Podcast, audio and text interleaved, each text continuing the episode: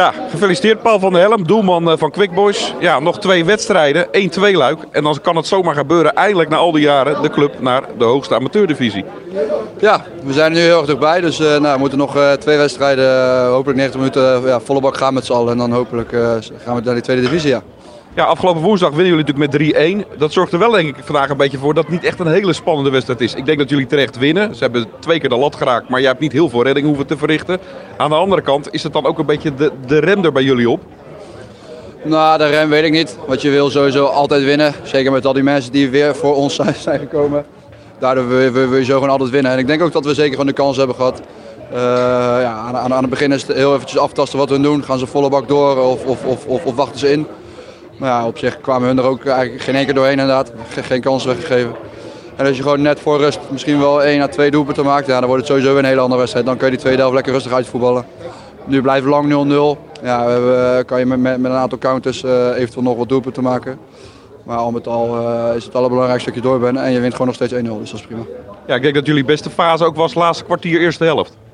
Ja, klopt. klopt. Nou, als je ziet hoeveel kansen we toen hadden en hoe, toch wel hoeveel, hoeveel, hoeveel veldoverwicht we toen hadden op dat moment. Dan kan je wel zeggen dat dat ons beste, beste moment van de wedstrijd was inderdaad. Nou, is natuurlijk spannend. De spanning ligt nu nog bij uh, VVSB. Die zijn nu gaan spelen. Staat daar nu 2-2. Even een gewetensvraag, Paul. Uh, VVSB is natuurlijk een mooie wedstrijd. Een beetje de streekderby.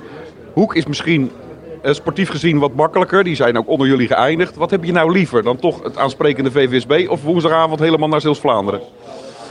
Nou, op zich maakt het voor mij persoonlijk niet zoveel uit. Van Van Hoek hebben we ook gewoon thuis verloren en uit uh, gelijk gespeeld. Dus uh, ja, ook dat is zeker geen makkelijk tegenstander. Ik denk dat het allebei om, het even is. Uh, je moet gewoon zorgen dat je zelf een hele goede wedstrijd speelt. En dan kunnen we van zowel VWSB als Van Hoek winnen. dus ja, we gaan het zien. In alle eerlijkheid, ik vond de tegenstander van vandaag, die kende ik natuurlijk ook niet. ik heb ze ook voor het eerst nu zien voetballen. Ik vond ze aan de bal niet eens zo slecht. Alleen ze konden niet echt een, een vuist maken voor het doel, wat ik net al zei.